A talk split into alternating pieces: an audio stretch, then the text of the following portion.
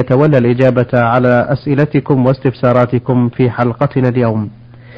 في البداية هذه رسالة من السائل مطر أحمد الزهراني آه، يقول إذا كان الشخص ليس على طهارة وعنده ماء ولكنه بارد لا يستطيع استعماله فماذا يفعل وإذا تيمم فهل تجوز صلاته أم لا بد أن يقضيها حال دفء الماء أو تسخينه الحمد لله رب العالمين وأصلي وأسلم على نبينا محمد وعلى آله وأصحابه أجمعين. هذا يقول إنه عنده ماء بارد لا يتمكن من استعماله فهل يجوز أن يتيمم؟ والجواب على هذا السؤال أن نقول لا يجوز أن يتيمم بل يجب عليه أن يصبر ويستعمل هذا الماء البارد في الوضوء. إلا إذا كان يخشى من ضرر يلحقه فإنه لا بأس أن يتيمم حينئذ وإذا تيمم وصلى فليس عليه إعادة الصلاة لأنه صلى كما أمر وكل من أتى بالعبادة على وجه أمر به فإنه ليس عليه إعادة الصلاة. أما مجرد أن يتأذى من برودته فليس بهذا بعذر. فإنه غالبا ولا سيما من كانوا في من لم يكونوا في البلد الغالب أنه في أيام الشتاء لا بد أن يكون الماء باردا ويتأذى الإنسان ببرودته لكنه لا يخشى من الضرر. أما من يخشى من الضرر فإنه لا بأس أن يتيمم ويصلي ولا إعادة عليه. آه انتظاره لو آه جعله يتعدى وقت هذه الفريضة. ألا يؤثر ذلك؟ لا يجوز. نعم. لا يجوز أن ينتظر حتى تخرج الشمس ويسخن الماء. نعم. ويصلي. لأن الواجب عليه أداء الصلاة في وقتها. على الوجه الذي أمر به. إن قدر على استعمال الماء بدون ضرر استعمله. وإذا كان يخشى من الضرر تيمم. يتيمم. نعم. آه سؤاله الثاني يقول فيه آه هناك بعض الشباب يمزح ويقول كلاما على الله وعلى رسوله من أجل أن يضحك زملائه وحينما ننصحه يقول أنا أمزح فبماذا تردون عليه؟ وهل إذا كان مازحا يجوز له أن يمزح بكلام على الدين أو الله أو الرسول أو المؤمنين؟ نعم. نقول إن هذا العمل وهو الاستهزاء بالله أو رسوله أو كتابه أو دينه ولو كان على سبيل المزح ولو كان على سبيل إضحاك القوم نقول إن هذا كفر ونفاق وهو نفس الذي وقع في عهد النبي صلى الله عليه وسلم في الذين قالوا ما رأينا مثل قرائنا هؤلاء أرغب بطونا ولا أكذب ألسنا ولا أجبن عند اللقاء يعنون رسول الله صلى الله عليه وسلم وأصحابه فنزلت فيهم هذه الآية ولئن سألتهم ليقولن إنما كنا نخوض ونلعب لأنهم جاءوا إلى النبي عليه الصلاة والسلام يقولون يا رسول الله إنما كنا نتحدث حديث الركب لنقطع به عنا الطريق. فكان رسول الله صلى الله عليه وسلم يقول لهم ما أمره الله به أب الله وآياته ورسوله كنتم تستهزئون لا تعتذروا قد كفرتم بعد إيمانكم. فجانب الربوبية والرسالة والوحي والدين جانب محترم. لا يجوز لأحد أن يعبث فيه لا باستهزاء ولا بإضحاك ولا بسخرية فإن فعل فإنه كافر لأنه يدل على استهانته بالله عز وجل ورسله وكتبه وشرعه. وعلى هذا الرجل أن يتوب إلى الله عز وجل مما صنع لأن هذا من النفاق فعليه أن يتوب إلى الله ويستغفر ويصلح عمله ويجعل في قلبه خشية الله عز وجل وتعظيمه وخوفه ومحبته. نعم. أثابكم الله. هذه رسالة من السائلة رقية الحماد من القصيم الرس. تقول لي والد متوفى وقد حج والحمد لله أكثر من مرة واعتمر. ولكن إذا ذهبت إلى البيت العتيق وصليت بالحرم سنة لأبي المتوفى فهل هذا جائز أم لا؟ نعم يجوز للإنسان أن يتصدق عن والده أو والدته أو أقاربه أو غير ذلك من المسلمين أو غير هؤلاء من المسلمين. ولا فرق بين الصدقات والصلوات. والصيام والحج وغيرها. ولكن السؤال الذي ينبغي أن نقوله هل هذا من الأمور المشروعة أو من الأمور الجائزة غير المشروعة؟ نقول إن هذا من الأمور الجائزة غير المشروعة وأن المشروع في حق الولد أن يدعو لوالده دعاء إلا في الأمور المفروضة فإنه يؤدي عن والده ما, ما افترض الله عليه ولم يؤده كما لو مات وعليه صيام فقد قال النبي عليه الصلاة والسلام من مات وعليه صيام صام عنه وليه ولا فرق في ذلك بين أن يكون الصيام صيام فرض بأصل الشرع كصيام رمضان أو صيام فرض بإلزام الإنسان نفسه كما في صيام النذر. فهنا نقول إن إهداء القرب أو ثوابها إلى الأقارب ليس من الأمور المشروعة بل هو من الأمور الجائزة. والمشروع هو الدعاء لقول النبي صلى الله عليه وسلم إذا مات العبد انقطع عمله إلا من ثلاث صدقة جارية أو علم ينتفع به من بعده أو ولد صالح يدعو له. فقال أو ولد صالح يدعو له ولم يقل أو ولد صالح يصلي له أو يصوم له أو يتصدق عنه. فدل هذا على أن أفضل ما نحله الولد لأبيه أو أمه بعد الموت هو الدعاء. أو ولد صالح يدعو له. فإذا قال قائل إننا لا نستطيع أن نفهم أن يكون هذا الشيء جائزا وليس بمشروع. وكيف يمكن أن نقول إنه جائز وليس بمشروع؟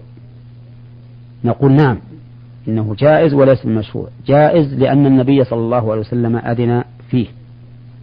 فإن رجلا جاء إلى النبي صلى الله عليه وسلم وقال إن أمي افتلتت نفسها وأظنها لو تصد لو تكلمت لتصدقت أفأتصدق عنها؟ قال نعم.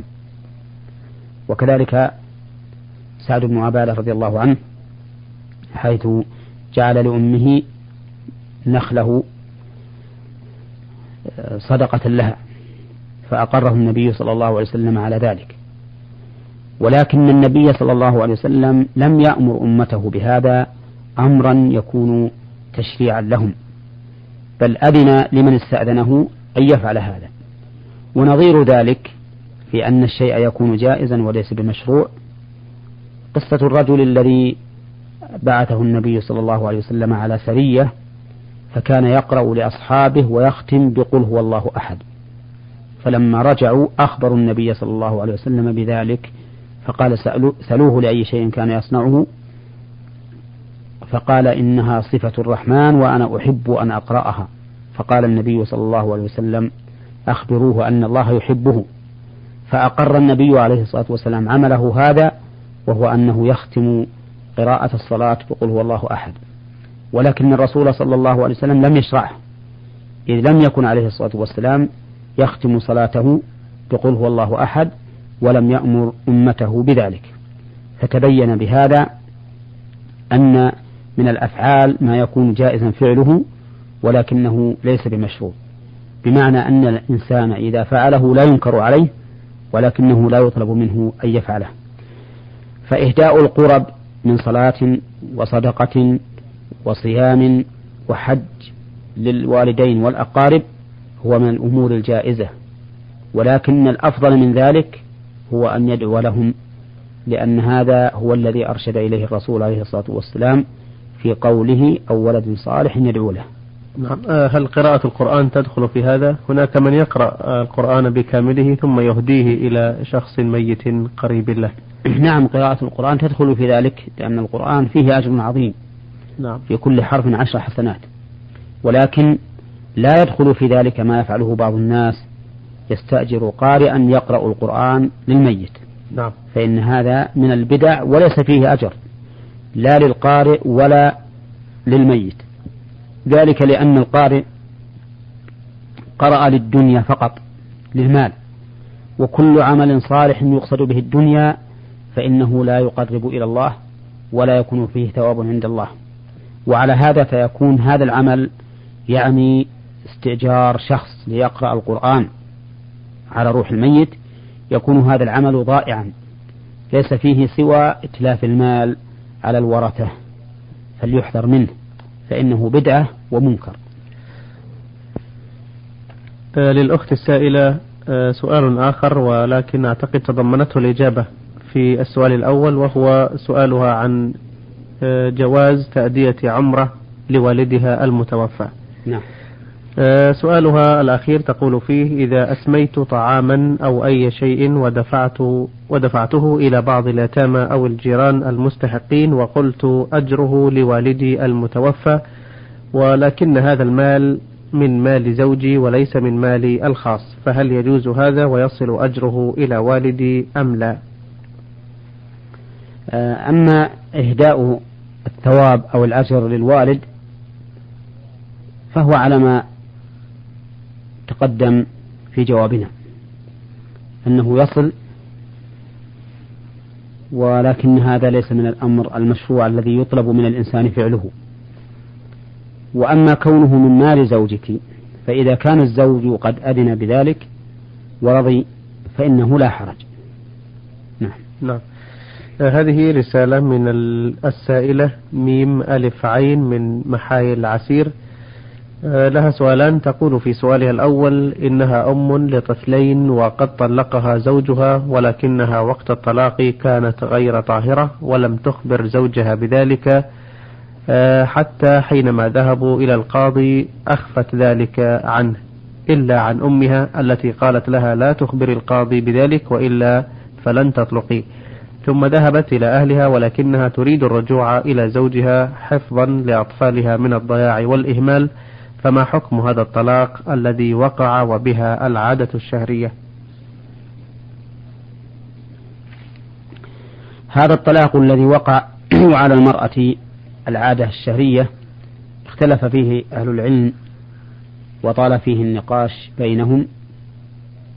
هل يكون طلاقا ماضيا أو طلاقا لاغيا؟